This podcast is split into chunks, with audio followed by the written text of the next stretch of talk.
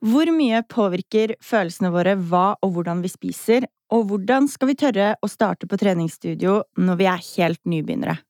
Du lytter til Ernæringspodden, en podkast fra Tine.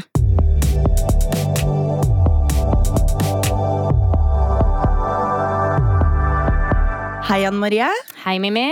Velkommen Jo, takk. tilbake til ny episode. Ja, vi kjører i gang, vi. Vi kjører i gang. I dag så har vi to veldig spennende temaer på agendaen. Vi skal snakke litt om mat og følelser. Og vi får inn en veldig spennende gjest. Ja, det gleder jeg meg veldig til. Ja, jeg også. Og så skal vi snakke om eh, hvordan vi kommer i gang på treningsstudio. For det kan være litt sånn tøft de første gangene å komme inn i de eh, Komme inn blant alle apparatene. Ja, Og litt skummelt, kanskje. Ja. Litt skummelt. Mm -hmm. men vi begynner med mat og følelser. Ja. Og det jeg har tenkt litt på, mat er så innmari mye. ja, mat er veldig Eller eh, mat har ganske stor betydning. For det skal romme så veldig mange behov, hvis vi kan si det sånn. Jeg tenker mat er næring, mat er kos, det er tradisjoner, det kan være trøst. Det har liksom mange ulike det kan være glede, det kan være ja. sorg noen ganger. Ja. Eh, mat, så mat har veldig mange på en måte aspekter. Mm. Eh, og det er lett på en måte at eh, vi derfor også knytter mange følelser til maten. Mm. Eh, både ofte positive, sånn som matglede, kos. Eh, den derre sosiale samværet. At nå skal vi kose oss. Ja, litt sånn Den kommer i alle anledninger, syns jeg. At den derre Å, nå skal vi kose oss. Ja, og du har liksom ikke ost og kjekskveld uten ost og kjeks. Nei. Eller du, hvis du Ja. skjønner hva jeg mener? og så er det ofte så er det jo mange har jo den unnskyldninga at nei, det er bare meg som skal ha middag i dag, så nå da tar jeg bare brødskiver. Mens hvis man er flere, så skal man liksom diske opp og lage noe stort og kose seg, da. Ja. Eh, eller hver gang man skal møtes sammen med venninner eller venner, eller noe sånt, så er det et eller annet mat, som regel, da. Mm. Fordi man skal kose seg. Men ofte så kan det jo også være litt negative følelser rundt mat. Ja, for jeg tenker bare sånn helt fra vi er små, så kobles jo egentlig mat og følelser. Mhm. Litt den derre Jeg husker fra jeg var liten, sånn Ja, men hvis du klarer å sitte stille nå, Mhm. eh, under eh, hele denne greia her, så skal du få godteri. Eller den hvis du spiser opp fisken, så skal du få is til dessert. Ja. Ja. Og da, allerede da fra vi er liksom bitte små, da, Ja. så kobler vi jo følelser til mat. Mhm. Ja. Eller eh, hvis man er på butikken og ungen skriker, så er det ofte sånn Ja, hvis du bare er stille nå, så skal du få is etterpå. Men Ja. hvorfor er mat og følelser så tett kobla sammen? Nei, hvorfor er kanskje veldig vanlig Eller sånn 10 000 kroners spørsmål, men det er jo Altså, man det, Mat dekker jo noen behov, da.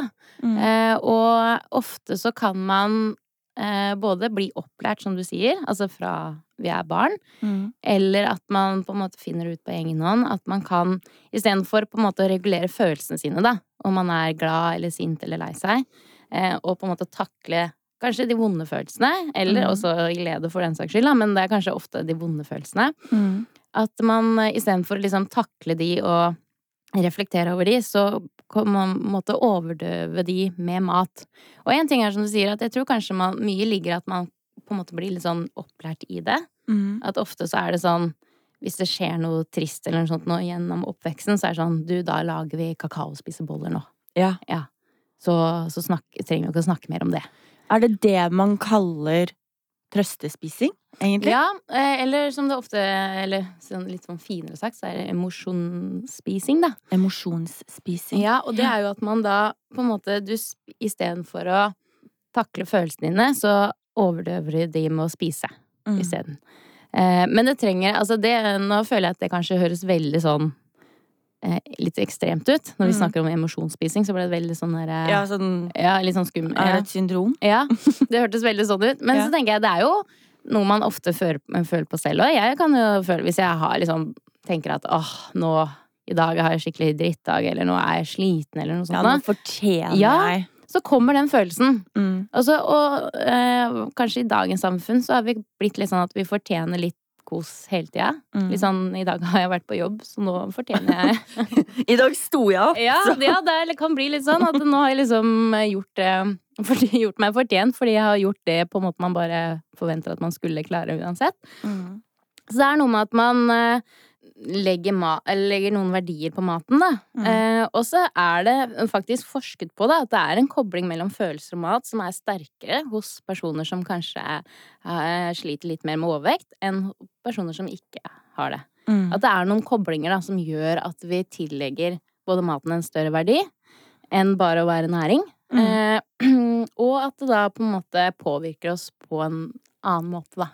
Jeg tenker jo at alle har jo sett denne vi... Altså typ sånn Bridget Jones, da, er det mm. første jeg tenker på. Typ man sitter med den store iskremboksen ja. og gråter og kjærlighetssorg og bare dytter i seg is. Ja. Eh, og jeg tenker, det er jo litt sånn Er det en type mestringsstrategi? Ja, og der er det på en måte at man har liksom lært seg eller sett For jeg har jo egentlig jeg har aldri tenkt på at eh, Jeg har aldri blitt opplært til at det er lov å putte bare skjea rett i isboksen, og så sette seg ned og spise fra den. Nei. Nei, fordi man Det er ikke foreldrene dine som lærte deg at det var greit? har jeg liksom, har jeg fått liksom i, is i en sånn skål, og det er, da, det er porsjonen du får, liksom. Det Mm. er det, og så får du Da er det ikke noe mer. Mm. Så det var først når jeg begynte å se på disse filmene, at jeg skjønte at å, er det, Er det lov? Ja, er det lov? Og bare liksom sette til livs to liter is på, fordi man er litt lei seg. Mm. Så det er jo noe med hva man ser og lærer òg, men det er jo på en måte Der eh, kan man jo også tenke at man bruker maten for å døyve følelsene, uten å da takle det som er vondt, da. Mm. Eh, samtidig så er det en annen ting òg, fordi man har jo Mange får jo mm, Selv om man på en måte lever sunt, da, eh, og egentlig kan kose seg med god samvittighet, så er det veldig mange som får dårlig samvittighet ved å unne seg noe. Mm. Som på en måte er eh, Vi er jo veldig for balanse, ikke sant? Mm. At man skal jo kunne kose seg av og til. Absolutt. Og da er det viktig at du er av og til, men ikke hele tiden. Mm. Men da skal det jo være, når man koser seg, Når man så, først koser seg. ja, så skal det jo være med god samvittighet. Fordi Mm. i et sunt kosthold så er det jo rom for å ha både litt is, kaker og godteri. Absolutt. Ja, Det er bare ikke at man kanskje fortjener det hver eneste dag igjen. Men, så det er jo balansen der. Mm. Eh, og at man da, når man bruker mat for å regulere følelsene sine, så kan det jo bli helt feil. Og fordi i en sånn situasjon så spiser man også mye mer enn Eller man har ikke noe kontroll, da, fordi det er jo ikke Du spiser egentlig ikke for å kose deg heller. Nei. Eh, Du du spi- spiser for å eh, kanskje glemme de følelsene du egentlig har. Og takle det som er eh, vondt, da. Eller ja, litt utfordrende. Mm. Og så tenker jeg da, når man da spiser den toliteren istedenfor to iskuler, da, så nyter man jo ikke kaloriene, og det på en måte vil jo bare er, Altså, du er, koser deg jo ikke. Nei. Men jeg tenker det er interessant det du sa om uh, samvittighet, for det skal vi snakke litt mer om når vi nå skal få inn uh, gjesten i dagens uh, episode.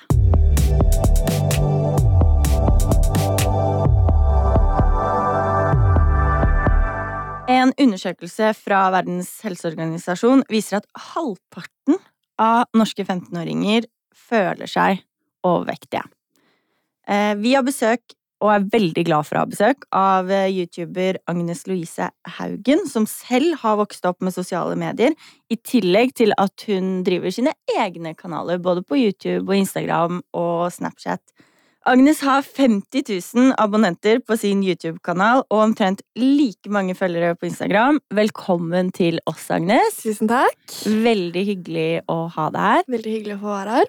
Du har jo hørt på starten av samtalen her nå, så jeg tenkte å starte med å spørre deg Har du selv opplevd eh, at følelsene dine påvirker hva du spiser?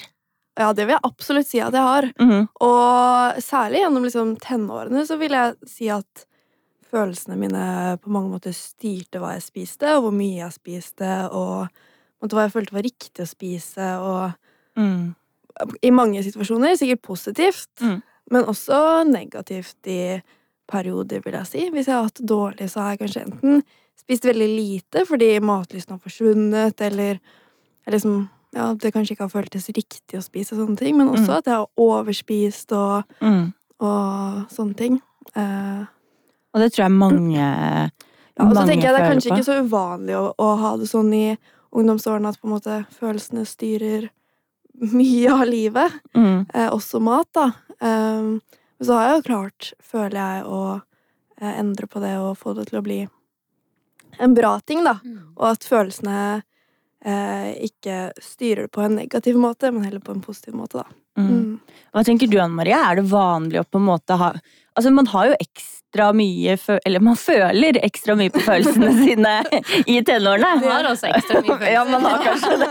Det Eh, med de hormonene. ja, og er det da Jeg tenker Er det at det er kanskje en eh, eh, periode man er mer utsatt. Mm. Og på en måte følelsene, som du sier, altså man føler kanskje mye mer. For det, Mm. altså, det er mye hormoner. og det er kanskje vanskelig å styre det òg, for det er ofte i tenårene så er det ofte følelser som kommer som du kanskje aldri har følt før heller. Mm. mm. Så det er litt sånn hvordan takler Ja, mm. hvordan skal jeg takle det her? I tillegg så kanskje man begynner å lage sin egen mat. Hva gjør Mm. jeg det? Begynte Mm. å lage min egen mat og begynte å på en måte utforske litt der. Og plutselig hadde jeg litt penger, så jeg kunne kjøpe mat selv. Og, Mm. Mm. og da får man jo på en måte man, Plutselig skal man liksom utforske matuniverset samtidig, da. Mm. Så Og man utforsker verden. Og som du Mm. sier, man får eh, egne penger Mm. eller egen økonomi. Og eh, man også er i den uh, tiden hvor man skal gjøre litt ungdomsopprør. Ja. Så det du i hvert fall ikke fikk lov til å spise hjemme, eller sånn altså det, altså det skal man i hvert fall gjøre nå. For nå står man på ja, Da blir det loff med Nugatti. Fordi det er det, da, nå står jeg på egne ben, og det her har jeg kjøpt Nugatti-boksen selv, så det kan Mm. ingen nekte meg.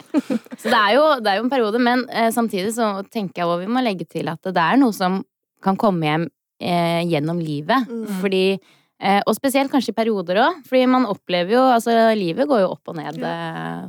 eh, For de fleste av oss, i hvert fall. mm. Mm. Eh, og da er det i perioder så kan det føles at det er for mye å takle. Både fra hverdagens krav og mas, og i tillegg kanskje andre ting som skjer. da Mm. Og at det da på en måte blir Følelsene blir litt forsterket, da. Mm. Som gjør at det da tyr man til litt sånne løsninger for Mm. å Eller at det styr, maten kan styre litt mer. Men eh, sosiale medier, som er også innledet med her, hva, hvilken påvirkning tenker dere det har? Nå kontra 20 år siden, da. Ja. Du får jo. Nei, da var Det det var ikke ikke på Instagram da, i hvert fall. Nei. Altså, det har jo, det har jo nesten blitt liksom et eget sånn samfunn både i forhold til sånn I hvert fall jeg ser på YouTube, da, så er det jo eh, egne matkanaler med massevis av oppskrifter, og folk filmer jo hva de spiser i løpet av en dag. Jeg har selv gjort det. liksom mm. Filmet alt jeg spiser i løpet av en dag. Og eh, selvfølgelig blir man jo påvirket av det. Mm. Eh, og, så, og så tenker jeg jo Jeg har nok plukket opp eh, både negative og positive ting fra det også. Mm. Og så må man jo på et eller annet tidspunkt lære seg å kjenne etter selv. På liksom hva man selv trenger, og hva som er riktig for seg selv. Mm. Uh, men det er jo ikke nødvendigvis bare lett å finne den uh, balansen. Balansen. Og lære seg å liksom kjenne på sin egen kropp og, og hva man trenger og sånt. Ja. Mm. Og det er kanskje det viktigste, tenker jeg. At Mm. ja, det er veldig mye bra inspirasjon, Mm, eh, og man kan lære veldig mye. mm, Eh, men igjen så er det jo, i hvert fall som vi har snakket om tidligere òg, eh, det er veldig forskjellig hva hver og en trenger å spise i løpet av en dag òg. Mm. Eh, så det at man ser, ok, hvis man er veldig opptatt av å følge én person, for eksempel, da, mm. så bare ok, hun spiser akkurat det og det, så kan jo Altså, man kan jo bli litt At det går litt Mm. feil vei òg. At man ja, blir litt for inspirert. Helt, ja, ikke sant? For det kommer jo helt an på aktivitetsnivå. Mm. Hva man, altså, trener man mye? Hva, har man stillesittende jobb? Mm. Eller går man til jobb? Altså, Ja. Det er jo Det er ingen som lever eksakt det samme livet eller har de samme behovene.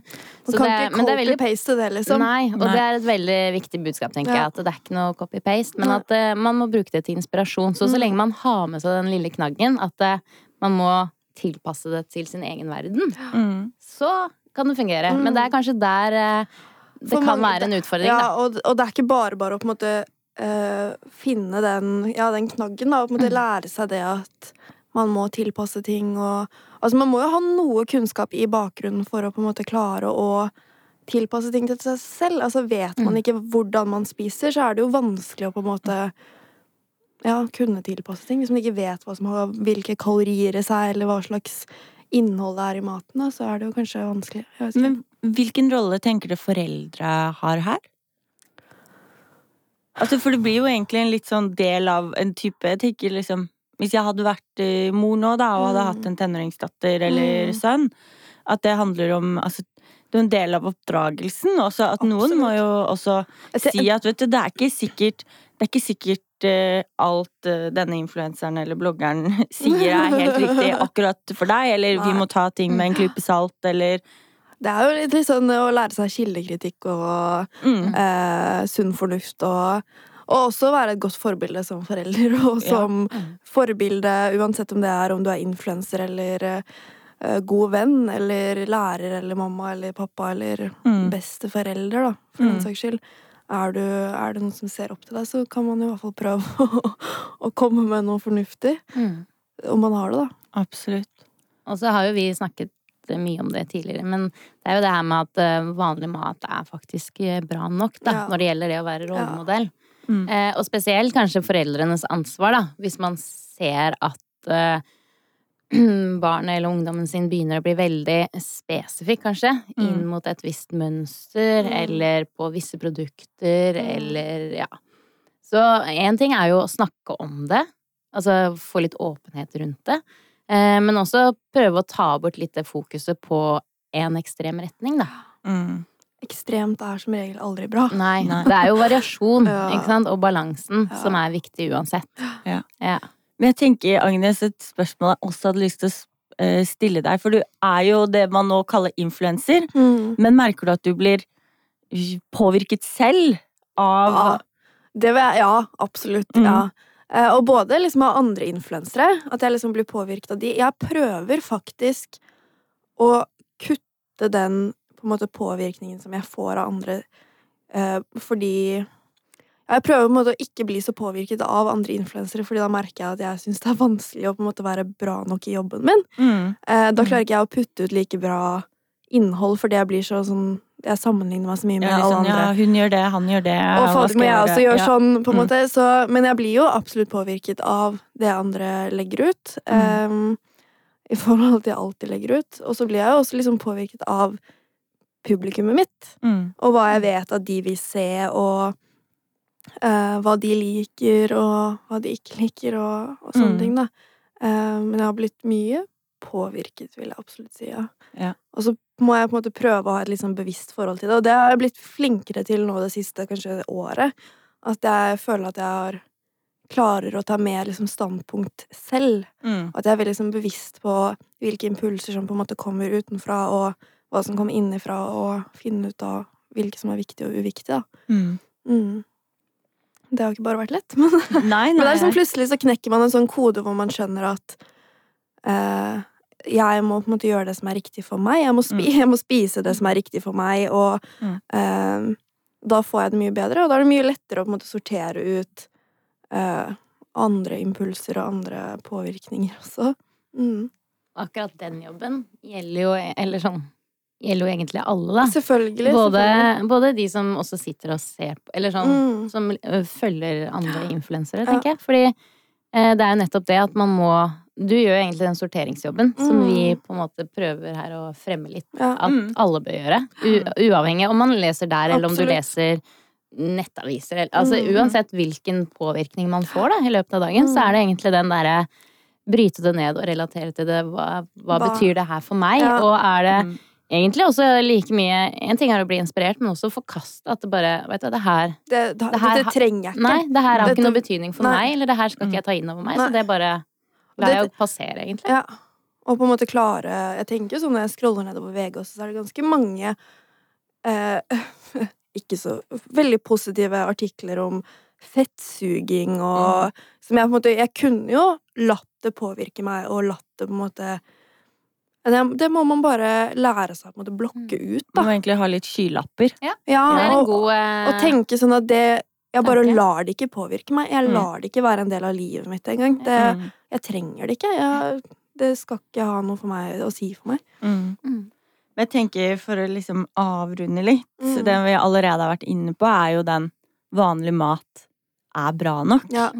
Men hvordan skal vi klare å bidra til å gjøre alle trygge på at vanlig mat er bra nok, og knekker vi den koden, så Har vi løst mye? har vi løst mye. Hva tenker du liksom, hva er hovedrådet her? Etter jeg på en måte lærte meg å lytte til kroppen og, og på en måte føle på hva det er jeg trenger av mat, Mm. så føler jeg på en måte at jeg knakk litt den koden Så nå merker jeg ok, nå er jeg sulten. Da går jeg og lager meg noe mat. Og det trenger ikke å være fancy. Ofte blir det litt fancy når jeg lager mat. Jeg har tid til å lage meg litt fancy mat. Jeg har tid til å Og jeg elsker å spise god mat. Og det, altså, jeg elsker mat. Mm. Det gir meg så mye positivt. Og det finnes jo ikke noe bedre enn et godt måltid. Mm. Men det trenger jo ikke å være liksom med krabbemos, altså. Det, Det, det kan være en skive med ja, eller en blomkålsuppe. ja. Eller eh, Men bare Jeg prøver jo på en måte å få i meg Fokuset mitt har alltid vært nå å få i meg nok mat. Mhm. Og det, det Man kjenner jo når man ikke har fått i seg nok mat. Det er ikke en deilig følelse å ikke ha fått i seg nok mat. Um, Ja, den kjenner vi alle på. ja, altså, jeg, det er jo helt grusomt. Jeg blir sånn vill i blikket. Ja, og jeg blir jo så Og jeg blir så sur. Ja. Ja. Det er jo helt grusomt å være sammen med når jeg er sulten. Så jeg tenker sånn Fokus nummer én i livet mitt er egentlig bare å få i meg nok mat. Få i Mm. meg nok energi. Prøve å variere det litt, men på en måte Ja, spise en grei frokost med egg og på en måte få i meg en blomkålsuppe i løpet av dagen, da, eller en annen suppe. Ja. Og, og sørge for at det var nok fiber og litt proteiner og litt karbohydrater. Og, og på en måte bare Ja, det, det er jo ikke noe faen. Kjenne på kroppen. Kjenne på kroppen. Mm. Den sier jo i hvert fall til en viss grad ifra om at nå trenger jeg mer mat, nå trenger jeg ikke mer mat, nå er jeg mett. Og som du sa, at eh, liksom matglede. Ja, ja, og, så, og så er det sånn Jeg hørte dere snakket litt om sånn dårlig samvittighet og sånt. Det har det har jeg også bare lagt fra meg. Det la jeg ikke være en del av livet mitt. Nei. Ok, da spiste jeg en halv uh, boks med is. Mm. Greit. Ja, Ja, det skjer. jeg trengte den i dag. Mm. Og, og det var på en måte Det var veldig godt. Ja. Det smakte godt. Og kanskje var det fordi jeg var litt lei meg, eller Mm. kanskje var det fordi jeg var veldig glad og hadde kjørt meg skikkelig hardt ut på trening i stad. Men fader, jeg trengte det i dag, og i morgen kanskje jeg spiser noe annet. Ja. Og så ble det kanskje ekstra kalori. Jeg vet ikke, men det bryr jeg meg ikke noe om, egentlig. Ja, veldig godt eh, oppsummert, Agnes. Og jeg tenker key outtake her er at eh, man må ikke stole på alt man hører og ser, og ha på seg de skylappene. Være litt eh, kildekritisk. Og hvis det høres eh, for utrolig ut til å være sant, så er det ofte det. Ja.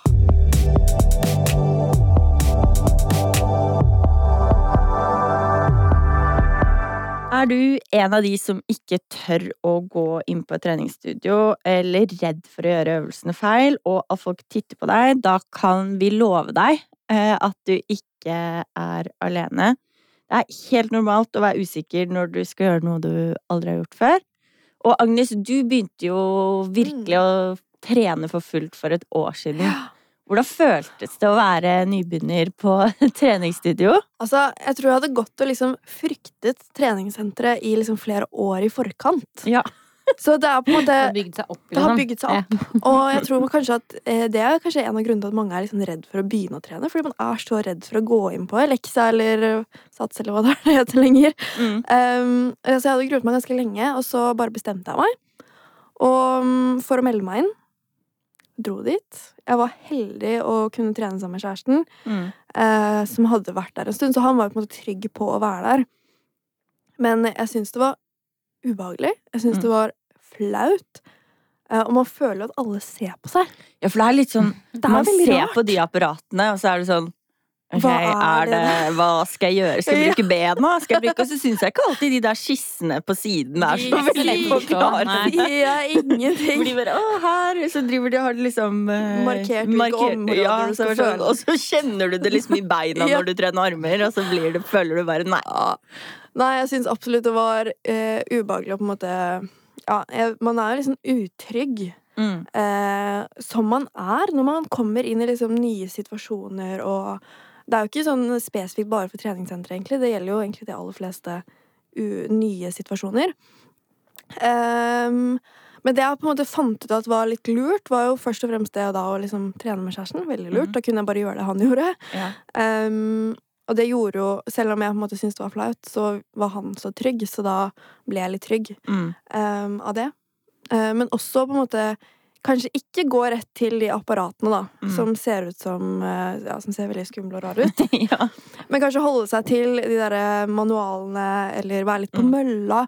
Jeg føler det kan Mm. være ganske lett å på en måte bli trygg på mølla. ja. Den er ikke så skummel. Nei. Ehm, og bruke litt sånn strikk og se litt på hva andre gjør. Ja. Og det tenker jeg, i hvert fall det med mølla, for ofte på treningssenteret så står jo møllene eller syklene, eller altså de kondisjonsapparatene, står jo samla. Ja. Mm. ofte så står de på et sånt sted hvor du på en måte har litt oversikt, ikke sant. Fordi Mm. eh, i hvert fall de som er glad i å løpe på mølla og skal være der i timevis, så må du ha noe å Se på. se på, for ellers så går du jo ja, i veggen.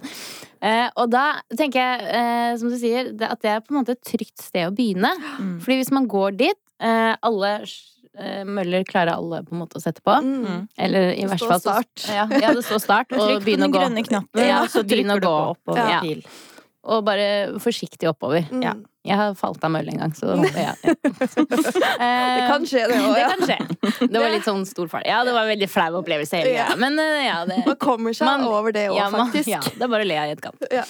Eh, Men eh, det gir en god oversikt, så jeg tenker Mm. da kan å gå på en mølle er en fin sted å bare eh, stå litt. Mm. Eller gå, da.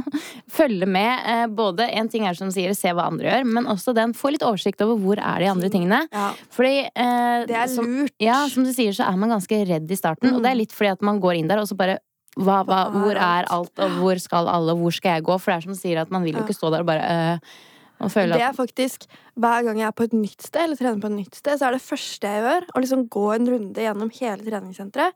Og bare få oversikt Ja. over hvor er alt. Mm. Um, Veldig smart. for da på en måte Da slipper jeg å, å mellom hver øvelse gå liksom Oi, lete etter eh, den der eh, 20 kilos uh, kettlebellen, da. Mm. Ja, ja. Uh, for da vet jeg hvor den er. Mm. Før Ja, ja. jeg har satt i gang. Uh, men også det å på en måte En av de lureste tingene jeg nok gjorde når jeg liksom begynte å trene på Leksia, var jo å skrive ned hva jeg skulle gjøre før jeg kom. Mm. Ha en plan. Mm. For hvis man ikke har en plan, så går man jo bare og surrer rundt, og det er en dårlig følelse. Mm. Ja. Det er jo den ultimate dårlige følelsen, for du Mm. føler jo at du ikke gjør noen ting, så du bare går rundt og surrer. ja, du har liksom klart å komme deg på treningsstudio, og Og så så bare gjør du går du og surrer, og så Mm. ser alle at du surrer, føler du. Ingen Ja. seg selvfølgelig, men du føler, Man føler det. Man du føler føler at alle ser at du bare surrer. Ja. Og så Mm. kommer du hjem, og så føler du ikke at du har vært på trening. Nei. Du har mislykkes. Du går ikke tilbake. Ja. Så det å på en måte ha en plan, og holde seg til den planen, gjøre det som står i den planen Mm. Og du trenger ikke å lage den planen selv. Det finnes massevis av Instagram-treningsfolk. Bruk Ja. en av treningsøktene deres. Mm. Ja, ja, ja. Eller Absolutt. gå og spørre på Eller gå og spørre på Altså få, få Ja, i hvert fall hvis man er veldig utrygg, da. Ja. Så kan man også spørre, og som regel så er det sånn medlemsrådgiver eller Mm. PT At man får et eller annet sånn når man starter, da. Mm. Mm. Og det går an å spørre òg hvis man eh, melder seg inn. Mm. Eh, Er det mulig å få noe hjelp til å komme i gang? Ja. Og Eh, der tenker jeg også, skal jeg bare si at jeg har i hvert fall følt på liksom, når jeg er litt sånn i veien hvis jeg spør eh, de om hjelp, men det er bare å huske at de, de får lønn for å være der, de jobber der. For å og hjelpe deg. For å hjelpe deg. Ja. Sånn at det er eh, Det har man krav på når Ja. man har medlemskap, og de, de er hyggelige og imøtekommende, Mm. og de, de vil jo selvfølgelig gjøre jobben sin bra, og de er der for å hjelpe. Så Ja, og det, det er jobben deres. For det er Ja. å si at du tenker at ja, men jeg forstyrrer eh, hvis jeg går bort og spør dem om noe. Mm. Men det er jo faktisk det som er jobben. Mm. Så ja, man kanskje forstyrrer fordi de står og gjør ingenting. Men eh, det er veldig bra. Det er jo det de skal være der for. Ja. Ja. Og da har man på en måte Det skaper også litt trygghet, Fordi da kjenner man noen igjen Ja. på senteret. Mm. Og man kan få hjelp, og man kan gå tilbake og spørre, så du vet alltid at det er en person der. Mm. Og så kan man kanskje De òg er så vennlige at de tar deg med på en rundtur for å vise, ikke sant. Eller eh, du kan få hjelp til at jeg liker å trene med kettlebell, for eksempel. Mm. Jeg liker å trene med stang. Jeg liker best egenvekt. Hvor er det matter, Mm. eller er det en sone hvor man kan gjøre det? Mm.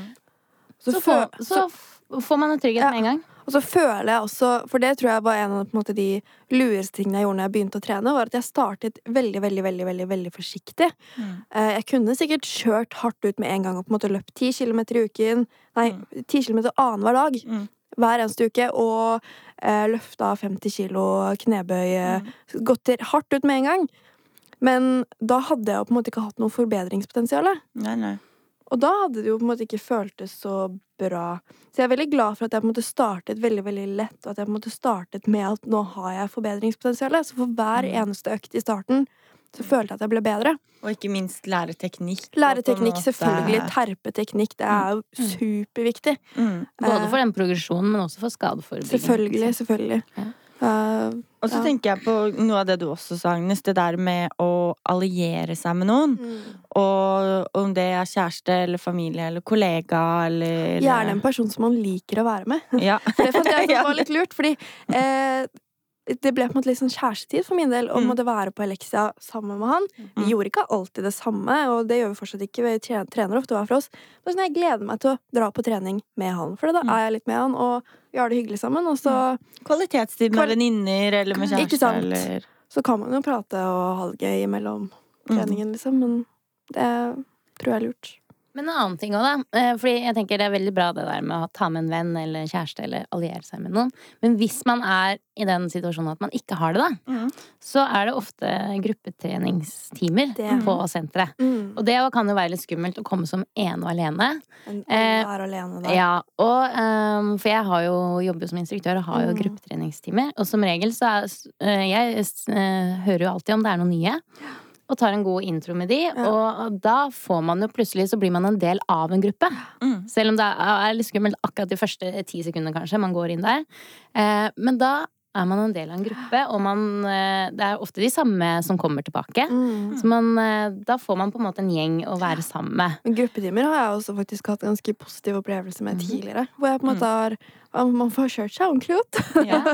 ja, og det er jo en annen effekt. At Ja. så lenge man trener sammen med noen, så får man Får jo jo ja. Da liksom legger man bort noen tanker eh, om at man er sliten, og så bare Og det å på en måte være sammen med noen, det er hyggelig. Så det kan også være en inspirasjon da, hvis man Mm. ikke har noen andre som har lyst til å trene. Ja, det er det, da.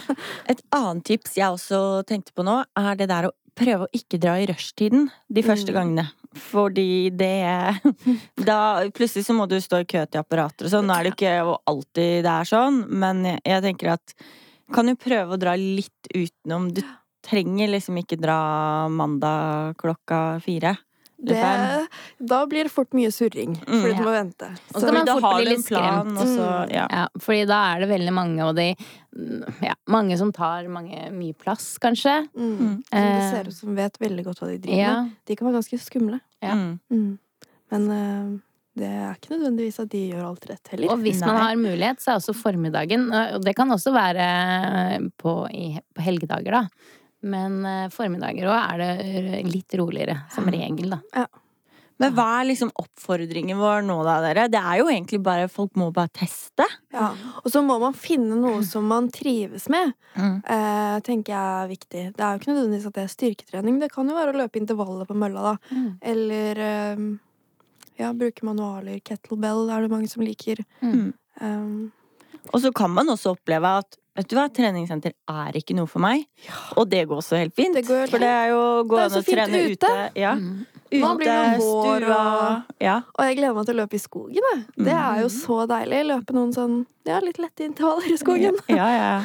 Og så tenker jeg at det, det er også viktig å tenke på at alle har Hvis det er første gang man er på treningssenter, så alle som er på treningssenter, har vært der for første gang Ja. en eller annen gang. Det er litt som når du ser folk som kjører med el på bilen. Ja. At alle har vært i den situasjonen. Ja. Alle har stått i bakkestart og ikke klart det, og følt at det er verdens Og- undergang. Eller ikke kommet seg i rundkjøringa. ja.